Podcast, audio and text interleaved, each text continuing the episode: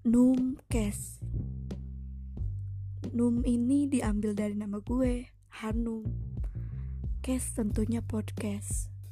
Akan berisi tentang pengalaman gue, teman-teman gue.